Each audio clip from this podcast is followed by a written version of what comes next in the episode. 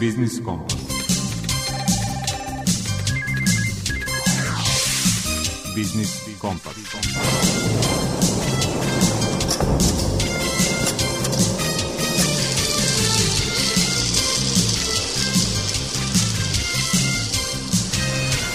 Pred mikrofonom je Đuro Vukilić. Dobar dan poštovani slušalci. I ovog popodneva utorkom smo uz Biznis Kompas sa temama i sagovornicima koji će, verujem, zadržati vašu pažnju i narednih 50 minuta. A evo ukratko i sadržaja današnje emisije. U rubrici Aktuelno razgovaramo sa urednikom časopisa makroekonomske analize i trendovi Ivanom Nikolićem o makroekonomskim kretanjima u našoj ekonomiji s posebnim osvrtom na bruto domaći proizvod i inflaciju. Gost autor rubrike iz mog ugla je državni sekretar u Ministarstvu prosvete profesor dr. Marijana Dugić-Mijatović. Govorit će o podršci tog ministarstva ekonomskom osnaživanju mladih. U svetu preduzetništva rukovodilac projekata u regionalnoj razvojnoj agenciji Bačka Marija Prokopić najavljuje konkurs Privredne komore Srbije namenjen podršci digitalnoj transformaciji mikro, malih i srednjih preduzeća. Uprkos krizi i posebno inflaciji, štednja kod nas raste iz godine u godinu i dinarska je premašila protiv vrednost od milijardu evra. I što je posebno zanimljivo, dinarska štednja raste brže od devizne. O tome u rubrici Predmet financije govori ekonomista za monetarne agregate u Narodnoj banci Srbije Marina Pepić. Rubrika Potrošačka korpa prava posvećena je izmenama zakona o zaštiti potrošača. Sa sadržajem tih izmena upoznat će nas pravni savjetnik u Udruženju za zaštitu potrošača Vojvodine Mladen Alfirović.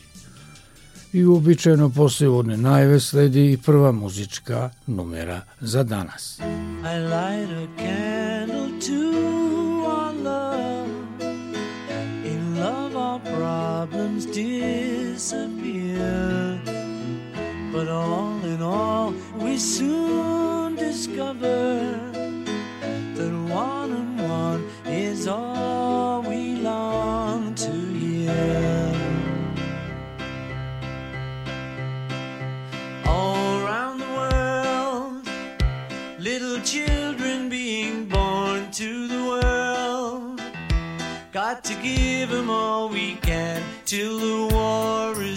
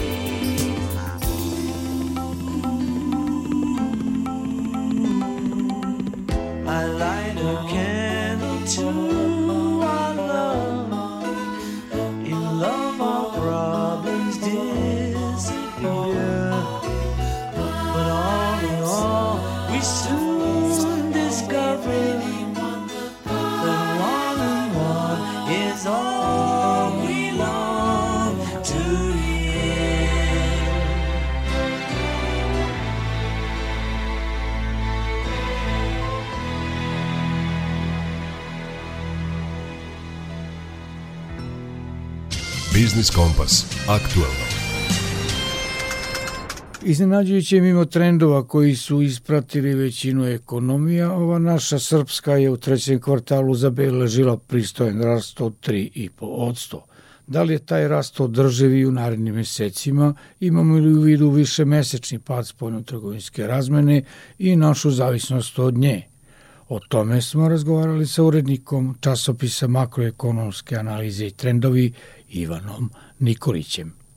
Naša ekonomija je izuzetno vezana za Evropu, Eurozonu, pre svega Nemačku i Italiju. To su naši najvažniji partneri. I sada kada se još uvek odupiremo tom jednom dekonjunkturnom trendu ili praktično recesijonom pritisku koji dolazi iz Evrope, ovaj rezultat koji smo postigli tokom leta se čini vrlo iznenađujući ili sa druge strane možda još jedna potvrda da se ipak struktura ekonomije Srbije kvalitativno promenila, pa i po tom osnovu se na neki način snažnije odupire ovim trendovima. Kada kažemo da spoljno-trgovinska razmena pada, to je posljedica pada pre svega uvoza, ali prvi put u septembru imamo da je međugodišnje pao izvoz, što nije dobro i to je opet posljedica pre svega ovih loših ekonomskih rezultati, značajnog pada tražnje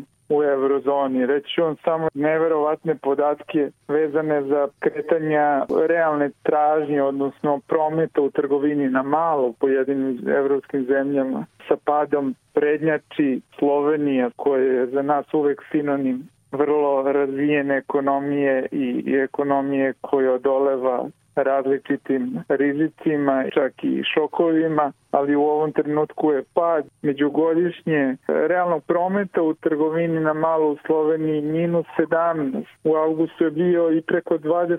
Dakle, za petinu je tokom leta pala realna realni standard, da tako kažem, u Sloveniji nekog prosečnog stanovnika Slovenije. Mi se nekako odupiremo kada pogledamo strukturu tog našeg rasta. Dobro je da se tokom leta oporavila na neki način značajnije industrija, pre svega unutar industrije prerađivački sektor. Prerađivački sektor je sad doprineo tom ocenjenom rastu BDP-a od 3,5%, podjednako kao i građevinarstvo i poljoprivreda. Ove godine smo imali solidnu poljoprivrednu proizvodnju koja se povratila praktično u odnosu na onu prethodno loš i iz 2021 vratila se na neki dugoročni trend, ali građevinarstvo je dobro, njega vuku naravno ove velike investicije i infrastrukturne i ustanogradnje, ali prerađivačka industrija u pojedinim oblastima je pokazala žilavost i otpornost, što je jako dobro.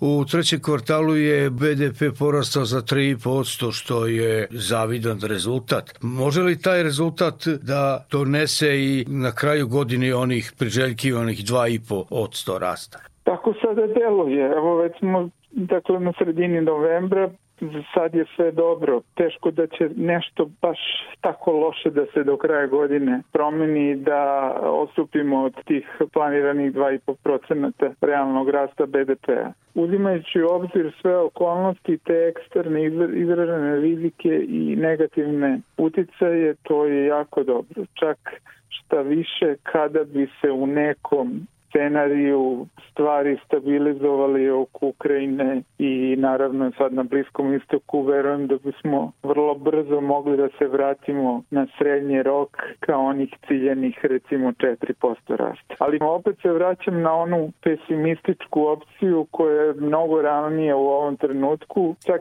i ovaj uzlet ekonomije koji smo zabeležili tokom leta verovatno će biti izložen negativnim uticajima i moguće da će rast usporiti narednih meseci, što je loše, ali to je neminovnost s obzirom da je ekonomija u očajnom stanju u Evropi. Da se malo pozabavimo sa inflacijom iz meseca u mesec u opadanju, ali ipak je prema zvaničnom podatku iz septembra zaustavljena na 10,2%. Podsjetit ću slušalce da je čak i u zemljama okruženju poput Bosne i Hercegovine ili Albanije se kreće oko 4%, prosek Europske unije sad već 2,9%. Šta toliko uporno drži našu inflaciju na visokom nivou? Mi imamo te neke svoje specifičnosti. Naravno, to nisu oni faktori kao ranije ili u nedavnoj istoriji poput recimo poremeća kursa, sad je kurs stabilan, niko ne može da se pozove ili opravda porast cena recimo divljenjem kursa. Ali imali smo jedan nalet tih negativnih pre svega vesti iz i okruženja i, i ratom tamo u Ukrajini, a pre toga i opravdani rast troškova kao posledica poremećenih ladnica snabdevanja od korone, Među vremenu su stvari stabilizovale globalno posmatrano. Sve se to oporavilo, nekako vratilo u normalu, ali to naše prestrojavanje, odnosno vraćanje ide nekako sporije nego u drugim zemljama. To je deo i tog našeg preduzetničkog mentaliteta, bojim se, A i nekako naravno i u teoriju cene se vrlo teško vraćaju na niže. Lako se podignu, ali posle ide to teško. U ovom trenutku je dobro ako govorimo o cenama da smo sada na vrlo jednom brzom stabilnom trendu njihovog međugodišnjeg obaranja. Sigurno će cene već u oktobru međugodišnje državne inflacija biti oko 9 ili ispod 9%, dakle ulazimo u jednocifrenu zonu i hvatamo i korek za tom eurozonom, ali recimo kod njih ovaj i brži pad cena je značajnije posledica pada tražnje. Kod nas tražnja jeste u padu i realno izraženo i u prometu na malo, ali ne toliko duboko kao što je kod njih. Čak šta više možemo reći da će do kraja godine i statistički izraženo, dakle u proseku, realni promet u trgovini na malo međugodišnje verovatno biti pozitivan, što je dobro, imamo i pozitivan realni rast prosečnih zarada, što je opet dobro. Sve su to elementi koji na neki način u ovom trenutku odudaraju od one ekonomske slike koja je karakteristična za eurozonu i Evropu. Jeste iznenađujuće, ali to je tako. Na kraju to je bio utisak i Međunarodnog monetarnog fonda koji je nedavno završio svoju tehničku misiju i, i reviziju aranžmana. Oni su isto bili pozitivno iznenađeni tekućim trendovima i ocenama upravo te neke kratkoročne perspektive Srbije.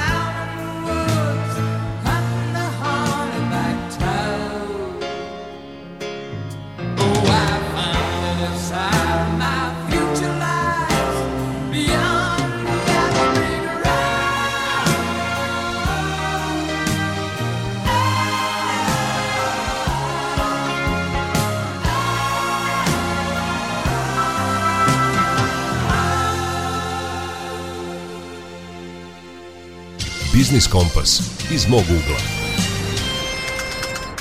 Reko smo u uvodnoj najavi i gost autor rubrike iz mog ugla je državni sekretar u Ministarstvu prosvete, profesor dr. Marijana Dukić-Mijatović. Govorit će o nizu projekata tog ministarstva usmerenih ka ekonomskom osnaživanju mladih. Veliko nam je zaista zadovoljstvo što je juče upravo počela prijava za studentske kartice koja se vrši preko portala Uprave za trezor i vrlo je jednostavna procedura. E, unose studenti svoj jedinstveni matični broj, e, biraju fakultet, unose broj mobilnog telefona i biraju ekspozituru banke Poštanska štedionica, jer kao što smo najavljivali u prethodnom periodu, radi se dakle o novoj studentskoj kartici koja će obuhvatiti celokupnu studentsku populaciju, 240.000 korisnika, svima će potpuno besplatno biti izdata kartica od strane poštanske štedionice, moći će preko te kartice da vrše plaćanja u brojnim objektima, trgovinskim, različitim uslugama prevoza, javio i železničkog ostvarivaće značajne popuste sa tom karticom, nema nikakve nadoknade za plaćanje ove kartice, za održavanje računa, i moći će preko ove kartice da primaju svoje studentske kredite i stipendije. Dakle, vrlo jedna značajna stvar za mlade, a naši mladi su nama bili u fokusu i u prethodnom periodu. Ovaj upravo dogovor oko studentskih kartica je iz tog dogovora kao jedan rezultat i proistekao.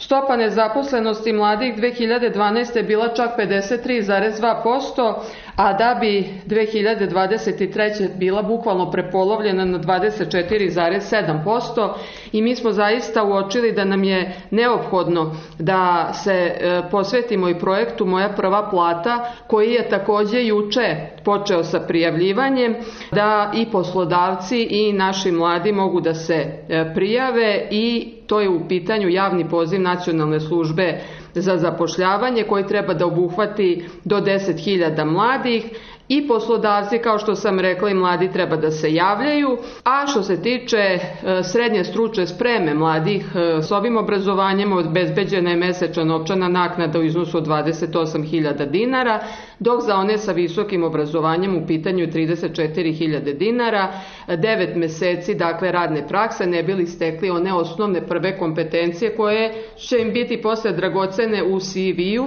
kada budu nastavili sa svojom karijerom I mi upravo pratimo ekonomske pokazatelje, ne bili utvrdili šta je potrebno još u, u našem, da kažemo, ekonomskom sistemu da unapredimo. Ne zaboravimo da je neto zarada 2009. bila svega 338 evra, a da je e, prosek e, u decembru 2024. koji smo projektovali da bude da to bude 955 evra, moramo jačati našu ekonomiju da bismo dostigli ove zacrtane parametre, ali mislim mislim i veoma sam optimističa da će to tako i biti, imajući u vidu priliv direktnih stranih investicija koji u Srbiju i dalje uprkos svetskoj krizi, uprkos ratu koji vidimo između Izraela i Palestine, uprkos specijalnoj vojnoj operaciji Rusije u Ukrajini za ovu godinu od januara do 10. oktobra 2023. bio je 3,4 milijarde evra, dakle trend dobar se nastavlja i mi naravno koji smo i profesori univerziteta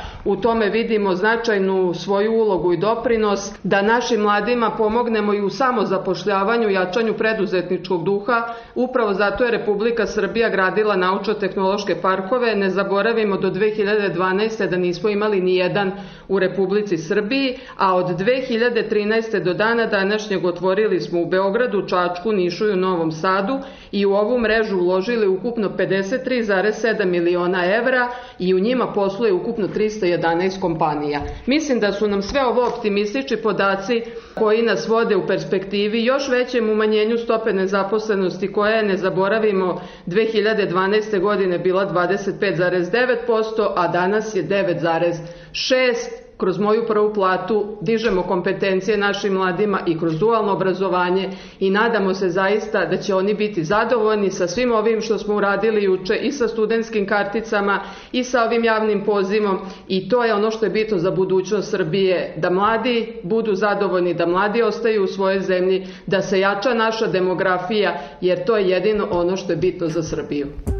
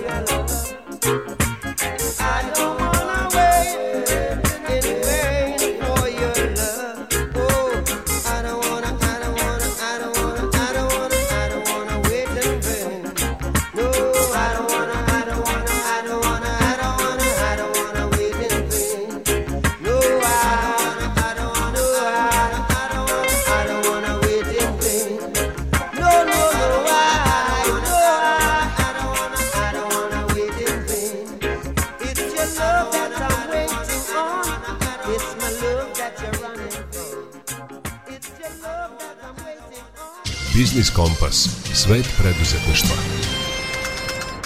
Privredna komora Srbije je u saradnji sa Ministarstvom privrede raspisala konkurs za podršku digitalnoj transformaciji mikro, malih i srednjih preduzeća sa mogućnošću sufinansiranja projekata i do 6000 evra.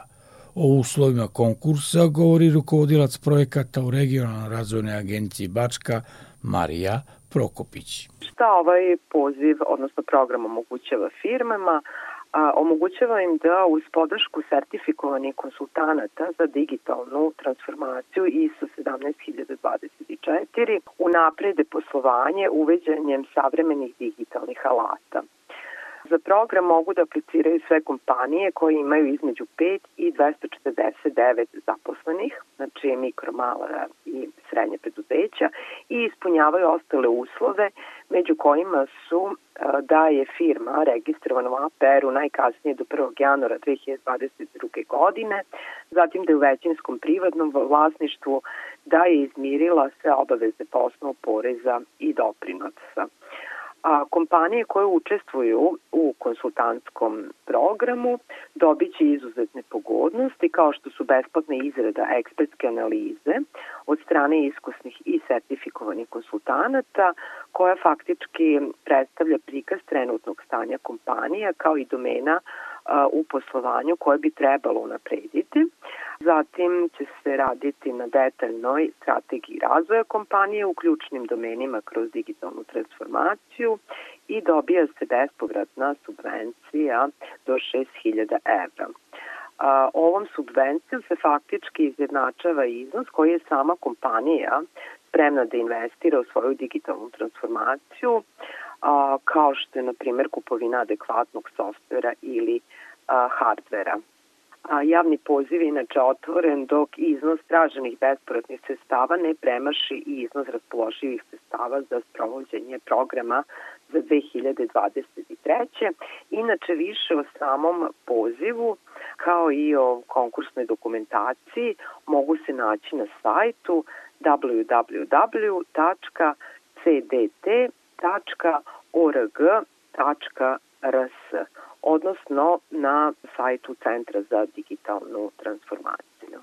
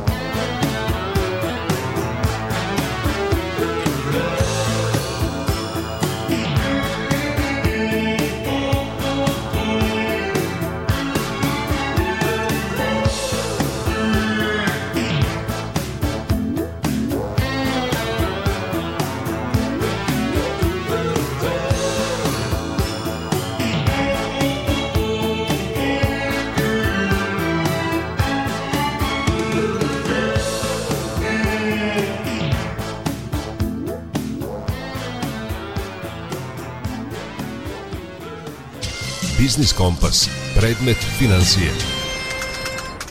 Štednja je značajna i za pojedinca jer mu pruža mogućnost da lakše prebrodi krizna vremena, ali i za banke i za državu kao važan izvor novca za kreditiranje i investiranje.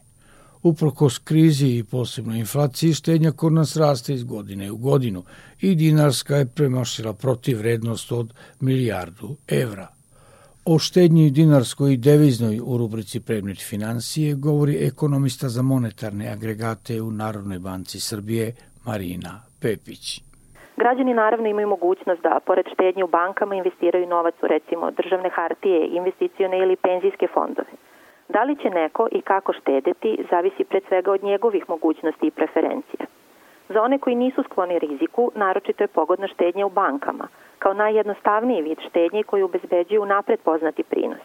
Za razliku od, na primjer, investicijnih fondova, čiji prinos zavisi od tržišnih kretanja koja se ne mogu predvideti.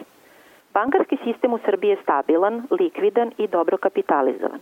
Druga jako bitna stvar koju građani treba da znaju jeste da su svi štedni ulozi u bankama do iznosa u protivrednosti 50.000 evra osigurani kod Agencije za osiguranje depozita. Kada se govori o štednji, logično se namiće i pitanje u kojoj valuti štediti. Već duži niz godina Narodna banka Srbije dva puta godišnje objavljuje analize isplativosti štednje. Takođe, Narodna banka redovno, u oči Svetskog dana štednje koji se obeležava 31. oktobra, podsjeća građane na značaj štednje. Ni ova godina nije izuzetak. Narodna banka je objavila rezultate najnovije analize isplativosti štednje koji su ponovo potvrdili da je u poslednjih 11 godina bilo isplativije štediti u domaćoj valuti. Recimo, štediša koji od septembra prošle godine štede u dinarima na ulog od 100.000 dinara u septembru ove godine dobio bi preko 2000 dinara, odnosno skoro 20 evra, više od štediše koji bi u istom periodu oročio evre u protivrednosti od 100.000 dinara. Inače, analiza isplativosti štednje radi se za različite rokove oročavanja sredstava. Tri meseca, godinu dana, dve godine, kao i za period od 11 godina.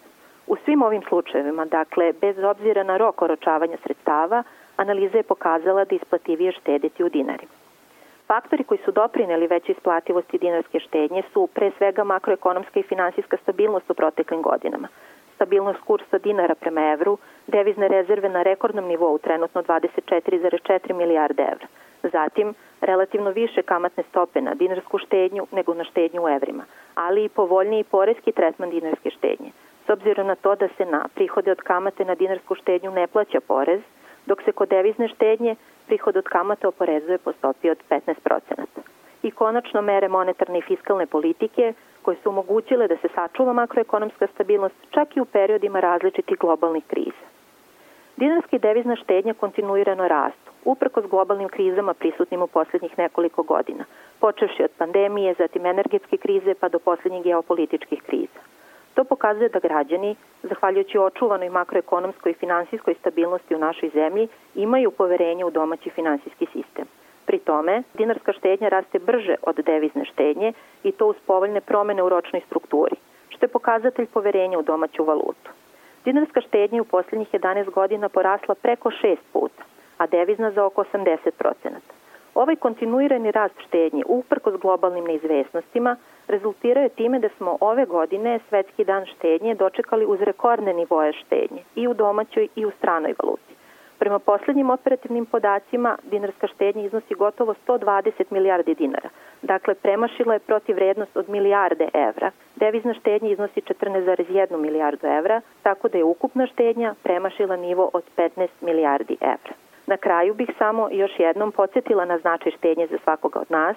Iskoristila bih ovu priliku da pozovem građane da, naravno ukoliko su u mogućnosti, štede, bez obzira koji iznos da je u pitanju jer na taj način čuvaju vrednost svog novca i ulažu u svoju budućnost.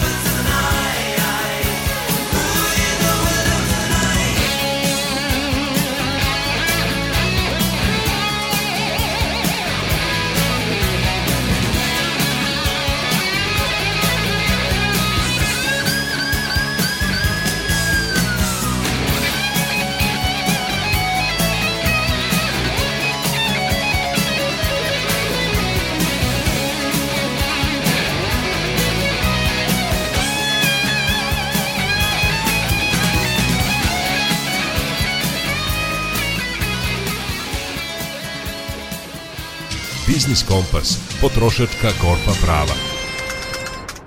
Izmene zakona o zaštiti potrošača trebalo bi da naše zakonodavstvo još i više usklade sa propisima Evropske unije.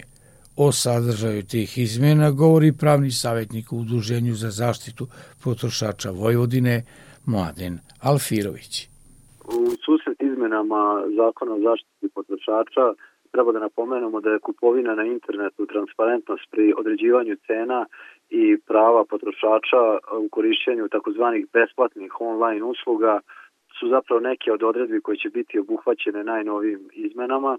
Cilj planiranih izmena je da se u postojeći zakon implementiraju tri direktive Europske unije koje regulišu u ovo oblast. Međutim, na osnovu višegodišnjeg iskustva u radu sa potrošačima i praktičnoj primjeni zakona smatramo da ukoliko ne dođe do primene svih novih e, izmena u praksi, da se zapravo život potrošača u Srbiji neće mnogo promeniti. Usvajanje propisa Evropske unije u domaći pravni sistem je nešto što i do tada nije bio problem, ali kao što sam naveo, njihova primjena e, jeste. Ono što Evropska unija od nas e, trenutno zahteva jeste isti nivo zaštite potrošača u Srbiji kao i u Evropskoj uniji. Da li mi praktično imamo isti nivo kao što je u jednoj Francuskoj ili Nemačkoj, svakako nemamo, ni približno. Međutim, često se postavlja pitanje zašto je taj nivo uopšte potreban. Pa potreban je ne samo zbog potrošača, nego i zbog privrede. Dakle, privreda od nas očekuje otprilike isti nivo e, zaštite da bi robe i usluge mogli nesmetano da teku između država članica, a mi kao država kandidat planiramo da jednog dana budemo deo tog jedinstvenog tržišta. Ono što je takođe problem jeste da su reklamacije u Srbiji za potrošače još uvek prava muka i naročito kad je u pitanju online trgovina, mi imamo tu ekspanziju zapravo nekih neregistrovanih profila na društvenim mrežama i sve veći broj fizičkih lica koje pokušavaju da kroz zloupotrebu navika potrošača pribave za sebe nekakvu korist. I zato moramo konstantno raditi na, na edukaciji potrošača i kada stupe na snagu najnovije izmene zakona u saradnji sa nadležnim ministarstvom i ostalim nosiocima zaštite potrošača doprineti da se te izmene uspešno implementiraju pravni sistem i da se one primene. Posebno naglašavamo velike prodajne posticaje, akcije koje nas očekuju u toku ovog meseca, kao što recimo Crni petak, gde veliki broj potrošača robu kupuje online i gde će se takođe veliki broj e, potrošača suočiti sa brojnim izazovima kad je u pitanju online trgovina. Zato, kao što sam napomenuo, neophodno je da nakon usvajanja ovih najnovijih izmena kroz saradnju sa ministarstvom i nadležnim inspekcijama doprinesemo da te izmene se na što bolji efikasniji način primene u praksi kako bi potrošači bili zaštićeni ne samo kad je u pitanju online trgovina, već generalno ceo postupak rešavanja reklamacija koji je dalje prilično problematičan i gde se potrošači suočavaju sa velikim problemima kad žele da ostvare neko svoje pravo, bez obzira na to da su kupili neku robu male vrednosti kao što su recimo odeća i obuća ili kada je reč o nekim robama i uslugama čija vrednost znatno veća, kao što su u pitanju recimo novi automobili ili neke usluge čija se vrednost kreće po nekoliko desetina hiljada dinara.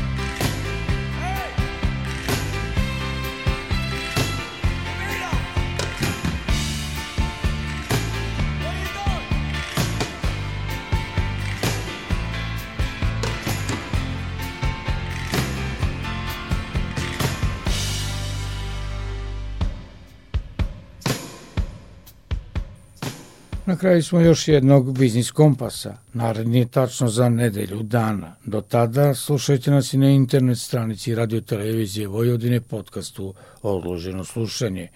Muzički urednik Zoran Gajinu, ton majstor Sabina Nedić i urednik emisije Đuro Vukilić žele vam ugodan nastavak popodneva i večeri uz program Radio Novog Sada. Zdravi bili i čuvajte se.